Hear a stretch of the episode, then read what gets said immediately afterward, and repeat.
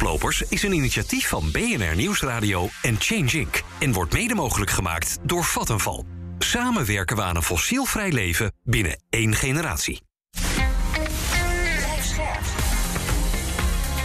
BNR Nieuwsradio. Koplopers. Donatello Piras en Werner Schouten. Vandaag praten we over duurzaamheid en economische groei. Staan keiharde zwarte cijfers een groene toekomst in de weg? De Nederlandse economie gaat dit jaar groeien met 3,1 procent. Ja, ondanks inderdaad allerlei problemen. De supply chain, energieprijzen, gasprijzen. Meer, meer, meer, dat is een van de dingen waar het in onze economie om draait. Maar kunnen we eigenlijk zo wel door blijven gaan? We hadden al hoge inflatie, wordt nu nog hoger. Dan komt die oorlog er bovenop met sancties, et cetera. Dus ja, het zijn wel ongekend, uh, ongekende omstandigheden. En in dit geval zie ik groei ook niet als doel op zich. Het gaat echt om het verbeteren van het welbevinden van mensen. Je luistert naar Koplopers, het programma over duurzame innovaties... waarvan jij op de hoogte moet zijn. Gemaakt in samenwerking met Change Inc. Ik ben Donatello Piras en samen met klimaatexpert Werner Schouten... ga ik geen enkele duurzame uitdaging uit de weg. En Werner, er is vast iets gebeurd de afgelopen tijd... wat jou in het duurzame oog sprong. Zeker, zeker. Afgelopen week eh, kwam de VN naar buiten dat er meer dan 155 miljoen mensen in acute voedselnood zitten. Dat is natuurlijk uh, afschuwelijk. En dat is voor, ook voor een groot deel te wijten aan de oorlog in Oekraïne, omdat daardoor minder graan kan worden geëxporteerd naar onder andere ontwikkelingslanden. Mhm. ja, bij het lezen daarvan dacht ik van nou, dan is er dus niet genoeg graan. Maar dat blijkt dus niet te kloppen. Er zijn miljoenen tonnen graan aanwezig. Alleen in Europa gaan miljoenen tonnen graan naar het voeden van vleesvarkens en andere dieren. Ja. Dus ik zou juist zeggen, ook bij dat nieuws, laten we alsjeblieft juist die, die graanstromen naar de ontwikkelingslanden toesturen. Want met slechts 8% van het graan dat wij hier aan varkens geven, kunnen wij de uh, tekorten eigenlijk al opvullen. Dus laten we onze verantwoordelijkheid nemen en ook even onze uh, prioriteiten verleggen. parece. Oké, de feed chain zal dus uh, alternatieven moeten zoeken dan voor 8% van, laten we zeggen, het veevoer. Want daar komt het dan de Ja, het is toch een kleiner getal dan je zou denken. Ja, dat, moet, dat, zou dan moeten lukken, inderdaad. Ja. Uh, wat heb je nog meer gevonden? Nou, het is morgen Nationale Milieudag. Ja. Met als centraal thema grenzen aan de groei. Dat is natuurlijk geïnspireerd door het gelijknamige, roemruchte rapport van de Club van Rome. Dat een halve eeuw geleden werd gepubliceerd. En het is toch wel belangrijk dat we dit weer aankaarten. Want een halve eeuw na het rapport sturen we nog steeds op meer koopkracht, meer BBP, meer winst. -hmm. Terwijl we ondertussen natuurlijk wel door onze planetaire grenzen zijn heen geknald. Zeker als het gaat op het gebied van klimaat, maar ook op biodiversiteit. En groei staat dus lang niet altijd meer gelijk aan vooruitgang. Dus de vraag die we ons natuurlijk wel moeten stellen is, is hoe, welke grenzen moeten we aan de groei opleggen? Ja, en ik hoor een spagaat opkomen. Aan de ene kant economische groei nodig. Maar ja, die grenzen hebben we ook wel bereikt. Dus hoe gaan we dat doen? Afgelopen donderdag verscheen het boek Groene Groei. De onzin van economische groei. De auteur van dit boek die zit bij ons in de studio. Het is econoom, hoogleraar toegepaste economie... aan de Universiteit van Amsterdam... en directeur bij Rabo Carbon Bank. Welkom, Barbara Baasma. Dankjewel. Ja, die groei, hè. welke groei hebben we het precies over? De Club van Rome die kwam dus die 50 jaar geleden al met het rapport Grenzen aan Groei over het effect van economische groei op de uitputting van de aarde. Um, en jij besluit hier nu, 2022, om een boek over te schrijven. Um, waarom nu pas? Nou, het is niet nu pas hoor. Ik heb uh, mijn hele werkzame leven ben ik met duurzaamheid bezig geweest. En met name als econoom, moet je me ook maar niet kwalijk nemen. Dat, hoe kunnen we beprijzen? Hoe kunnen we een prijskaartje aanhangen aan die milieugoederen die waarde voor ons allemaal hebben, maar die gratis en voor niks vaak veel te veel gebruikt worden? Um, nu is het precies 50 jaar geleden dat uh, de Club van Rome met dat rapport kwam. Grenzen aan de groei. In mijn boek, dat gaat over de zin en onzin van economische groei, pleit ik voor niet grenzen aan de groei, maar groeien binnen grenzen. Want die grenzen zijn er wel degelijk. Dat is mooi gezegd, nog even één keer, want dat ging heel snel. Dus niet grenzen aan de groei, maar groei binnen grenzen. Binnen grenzen. En daar gaan we het zo over hebben. Hè. Dat is onder andere die duurzame groene groei. Even voor ons beeld, want we hebben natuurlijk ook met een economen te maken. En dan luisteren natuurlijk heel veel mensen naar BNR die denken: wacht eens even, we hebben die economische groei wel nodig voor ja, de zo, zogenaamde sociale economische stabiliteit. Waarom is dat? We hebben in dit land te maken met vergrijzing. Niet alleen in dit land, in een groot deel van de westerse wereld. Ja. Dat levert enorme kosten op in termen van bijvoorbeeld de betaalbaarheid van de AOW of de zorg. En als je niet wil dat die kosten van de vergrijzing allerlei andere hele belangrijke publieke diensten of semi-publieke diensten, zoals overheid, uh, onderwijs, zoals rechtspraak, defensie enzovoort eigenlijk ehm, ja, opeten, ehm, dan hebben we enige groei nodig. Want al die diensten worden uit belastinggeld betaald. En het investeren in kwaliteit van onderwijs, het investeren in rechtspraak of in de zorg, daar heb je wat extra belastinggeld voor nodig. Dus groei. Ja. Dat gezegd hebbend. We hebben dus die groei nodig om de kosten van de vergrijzing eh, te betaalbaar te maken. Om de semi-publieke diensten, die zo belangrijk zijn voor de levenstevredenheid, die in Nederland heel hoog is, op peil te houden. Nu, maar ook voor toekomstige generaties. Want die investeringen die je nu in die publieke diensten doet, die komen ook later terug. En een hele belangrijke die ik hier ook wel wil noemen: herverdeling van rijk naar arm is niet gratis. Niet omdat we die belastingdienst nodig hebben, maar die is no- eh, we hebben als je belasting heft, hangen daar kosten mee samen, omdat je het gedrag van mensen beïnvloedt. Ze gaan bijvoorbeeld minder uren werken Ja. of gaan minder eh, investeren in opleiding. Dus om die tendensen, eh, om die kosten van belastingheffing tegen te gaan, heb je ook groei nodig. Echter. Ja, want Dan in- wel in- groene groei. Precies, want dat is waar jij voor pleit. Groene groei. We moeten groeien, tegelijkertijd verduurzamen... zodat die groei van de economie niet meer zorgt voor extra uitstoot... extra materiaalgebruik, het uitputten van grondstoffen. Hoe gaan we daarvoor zorgen? Groene groei, wat mij betreft, vijf voorwaarden. De eerste, en wederom, je moet me maar niet kwalijk nemen, ik ben econoom, het boek is ook economisch ingestoken. Een prijskaartje hangen aan die dingen eh, die zo ongelooflijk belangrijk voor ons zijn. Milieugoederen, CO2-prijs eh, dus. CO2-uitstoot, een carbon tax, een stikstofheffing, eh, maar ook andere heffingen. Ehm, en dat, als dat niet lukt, Andere heffingen, suikertax, vleestax... alle dingen die, die zeg de maar... dingen die wel goed uitvoerbaar zijn en die de economie sturen om te groeien binnen grenzen. Eerst is dus beprijzen, dan is het, als dat niet lukt, normeren.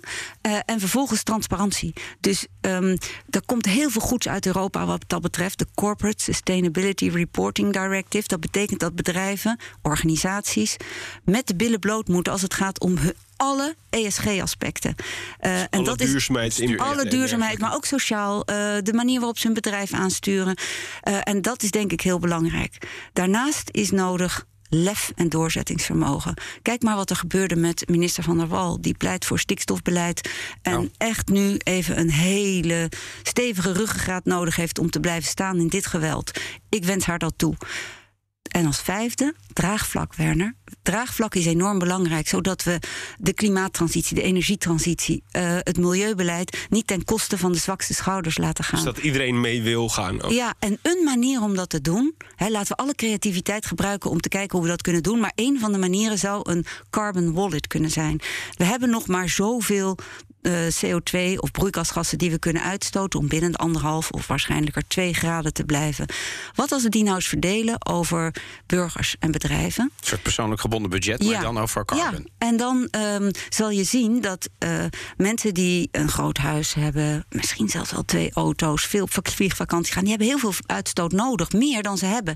En die kunnen ze dan kopen, vaak van mensen met een wat smallere Moet portemonnee. je CO2-uitstootrechten kopen bij andere mensen. Ja, en dan vaak de lagere inkomens. Of de mensen met een, met, die in een kleiner huis wonen, die geen auto's hebben, die dus ook vaak die kleinere portemonnee hebben, die kunnen dus die uitstootrechten verkopen en zo En eh, wat doen er we iets dan op met vooruit opbrengst? Want uiteindelijk, dat, bedoel, stel dat ik, ik me allemaal zou kunnen veroorloven... dat een soort katholieke aflaat. Nou prima, ik betaal het.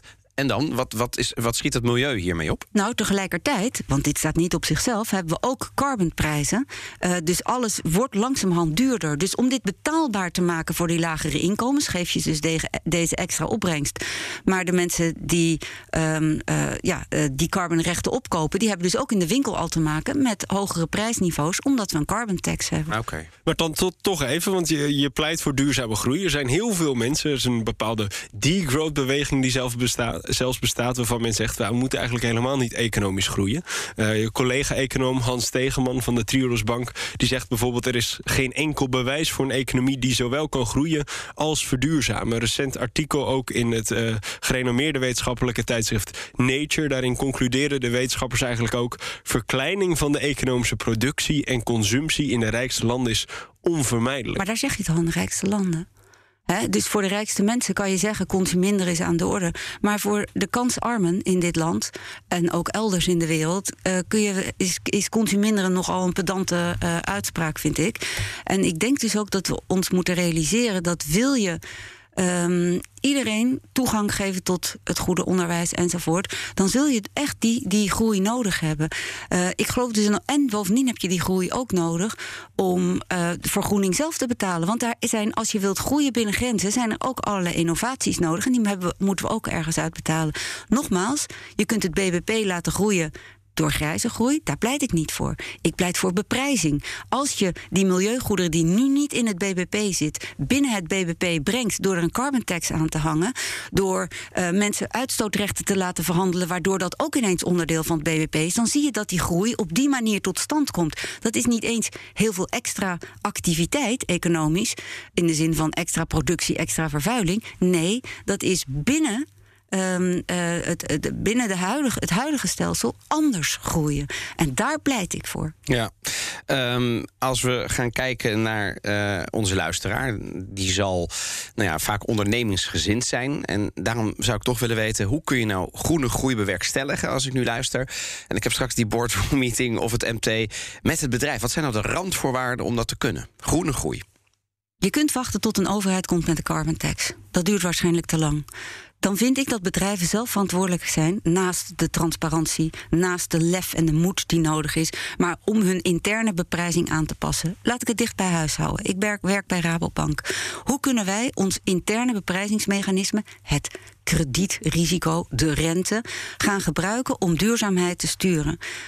Dat doe ik ook bij de Rabo Carbon Bank. Ik beprijs daar um, eigenlijk de ecosysteemdiensten die boeren leveren. En zo kan een bank maar zo kan elk bedrijf bedenken, daar waar zij groot in zijn, welke sector ze veel van weten, hoe ze die kennis kunnen omzetten in andere beprijzing. Wacht dus niet op de overheid, maar ga zelf denken wat jij voor impact kunt maken in de sectoren waar jij groot in bent. Dankjewel, Barbara Baarsma, econoom en schrijver van het boek Groene Groei.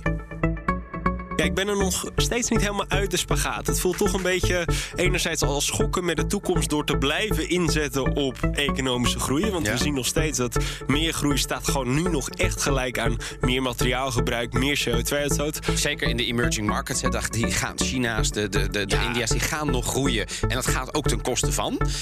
Maar er zijn ook andere bewegingen, tegengestelde bewegingen. Precies, maar tegelijkertijd is groei dus ook nodig om een beetje onze welvaart in stand te houden. Maar wat ze wel zei, uh, Barbara, dat vond ik wel interessant, is dat groene groei dus niet betekent dat iedereen er per se op vooruit gaat. Hè. Vooral de, de, de meest welvarende mensen, die moeten misschien wel gewoon terug in consumptie. En dat is nog wel een harde noot die we moeten kraken in de samenleving dan. Ja, politiek gezien zie ik daar nog weinig draagvlak voor dat de VVD moet dan gaan nivelleren. Precies, maar misschien is wel, het is eigenlijk wel strikt noodzakelijk voor onze klimaatdoelen. Dus dus uh, misschien dat we maar gedag moeten zeggen tegen twee keer per jaar op vakantie of andere punten. Ik uh, slik hem even weg.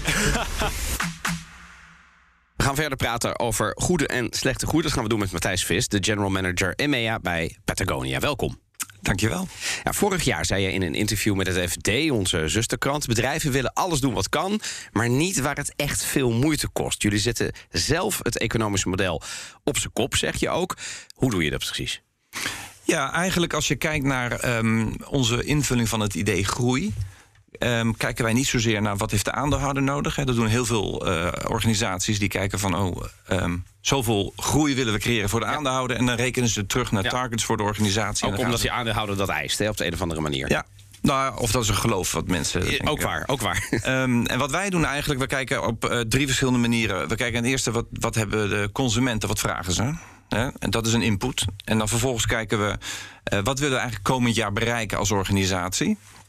Uh, we zijn veel bezig met milieubeheersing, met uh, klimaatverandering. Daar hebben we allerlei projecten op lopen. Dus hoeveel um, ja, resources hebben we nodig om dat te doen? En dan voor, en laatste kijken we ook wat, uh, wat gaat de footprint worden van de groei die we realiseren. Nou, die drie dingen brengen we dan bij elkaar. En dan komen we uit op een.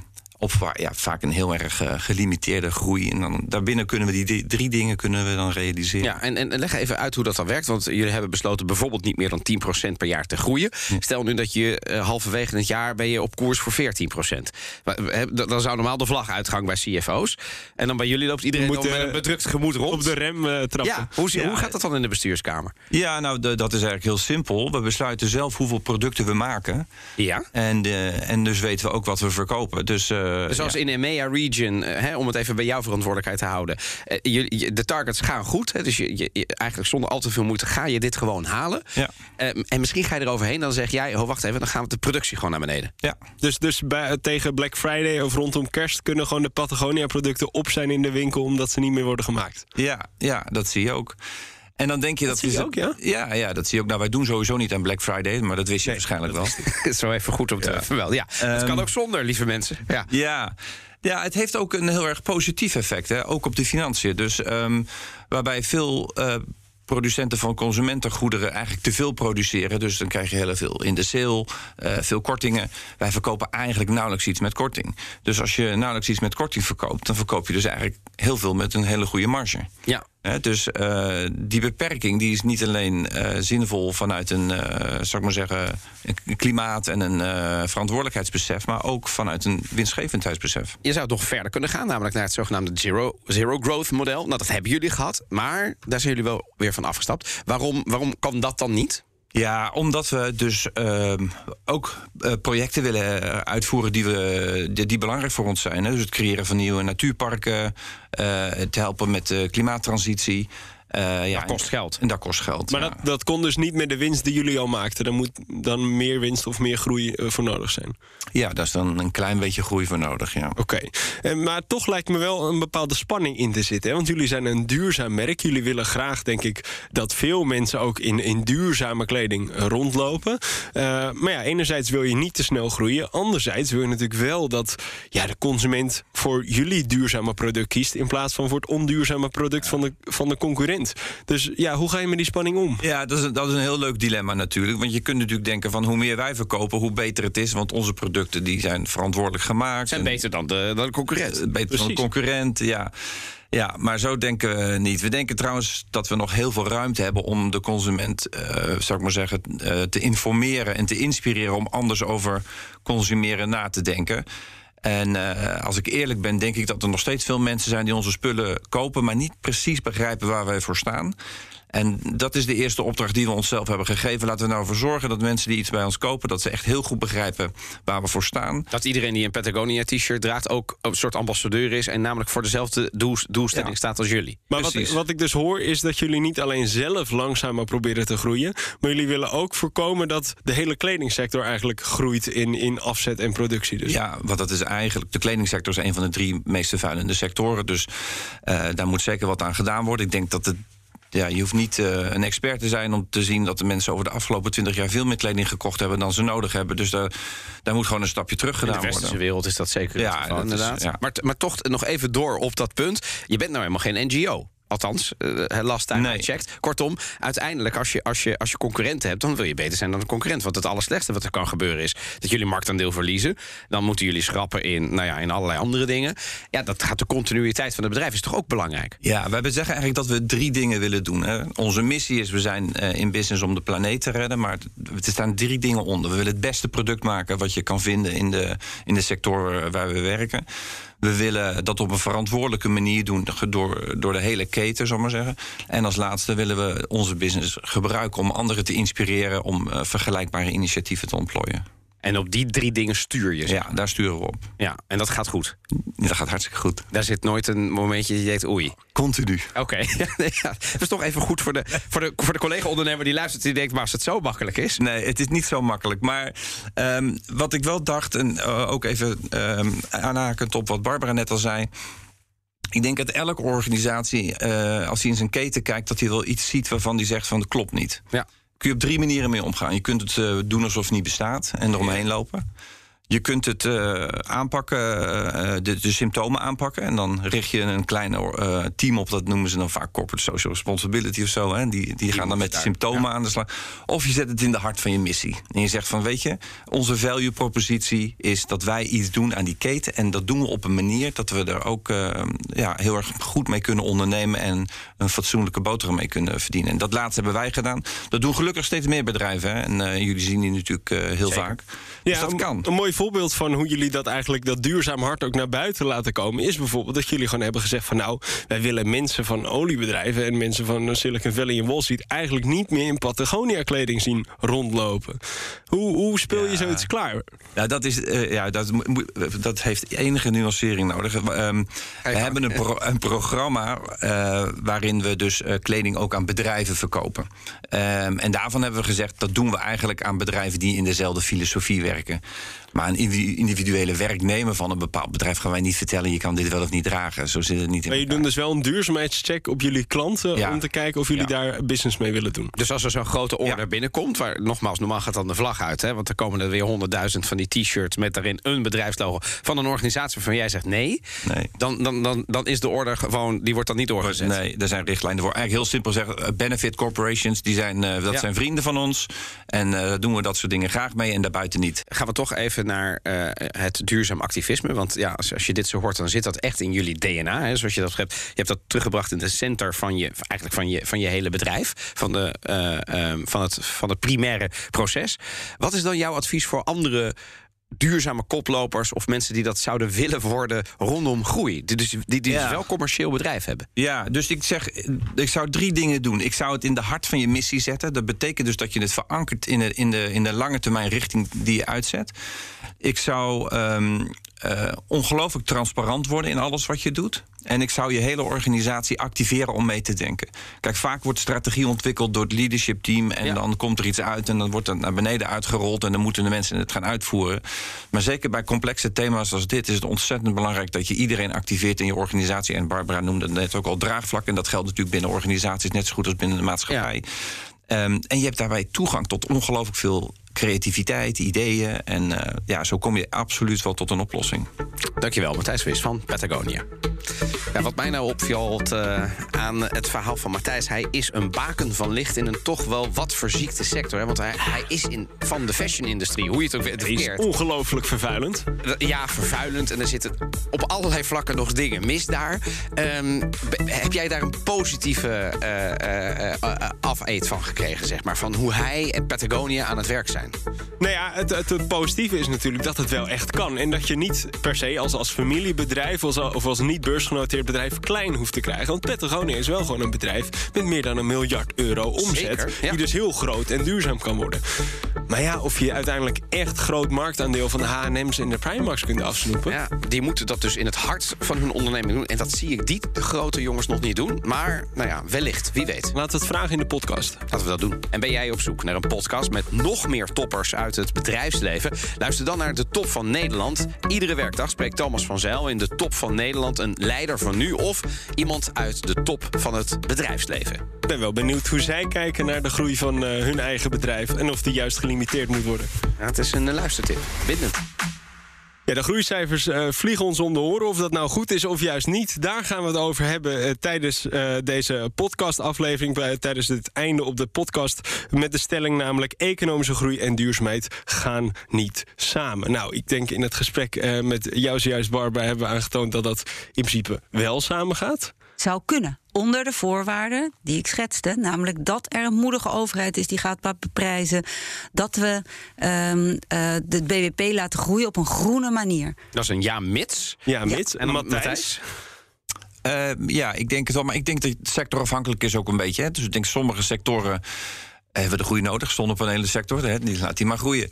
Ehm, en de kolenindustrie eh, wat minder. En de vleesindustrie ook niet. Dus. En de kledingindustrie denk ik ook niet. Dus ja. Maar, maar mag ik een concreet voorbeeld geven? Zeker. Ehm, de Rabo Carbon Bank heeft als doel de, de landbouw te verduurzamen. Wat je daar doet, is samen met boeren anders te boeren.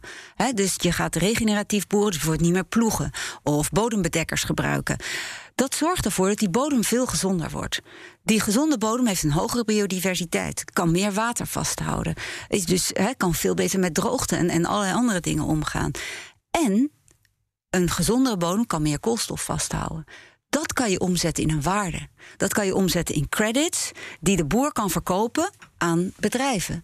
En zo creëer je waarde die nu niet in het systeem zit, maar dan wel in het BBP. En dat is echt groene groei, omdat dan eh, de bodem gezonder is, er meer water eh, eh, resilience is enzovoort. Dus het kan wel. Alleen het vergt moet van bedrijven en moet van de overheid. Een van de dingen, Barbara, die jij in de uitzending eerder zei, is: je, je kunt zo'n carbon wallet hebben. Toen moest ik denken aan zo'n persoonlijk gebonden budget en dat kan ik dan doen. Heeft dat niet een, ehm, een nadeel dat het elitair zou kunnen zijn? Namelijk mensen die al heel veel vermogen hebben.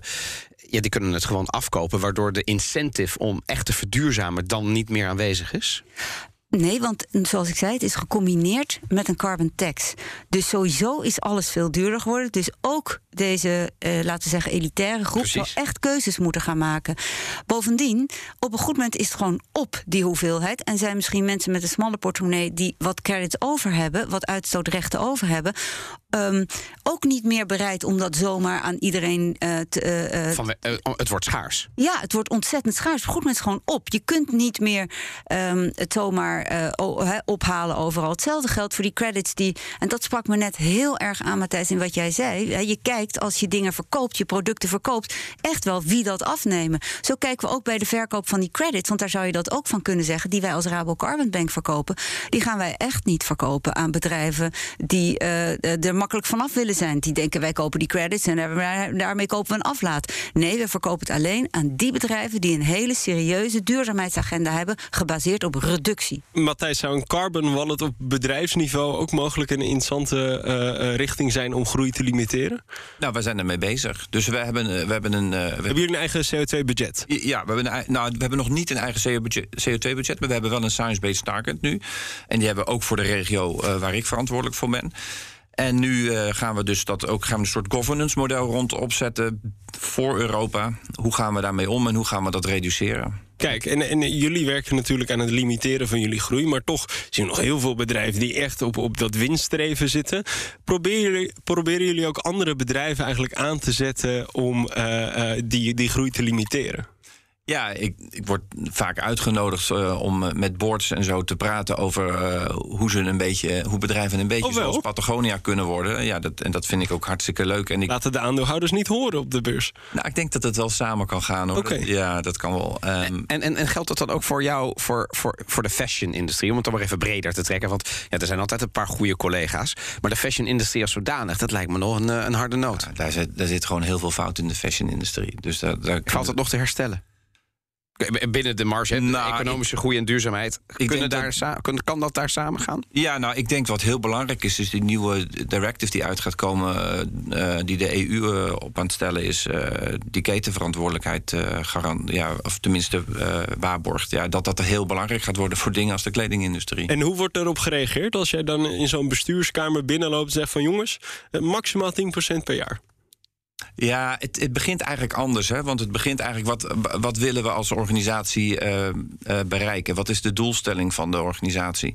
Eh, de missie? En die vraag die is eigenlijk het allerbelangrijkste. En dan vervolgens ga je daar een, financieel model omheen bouwen.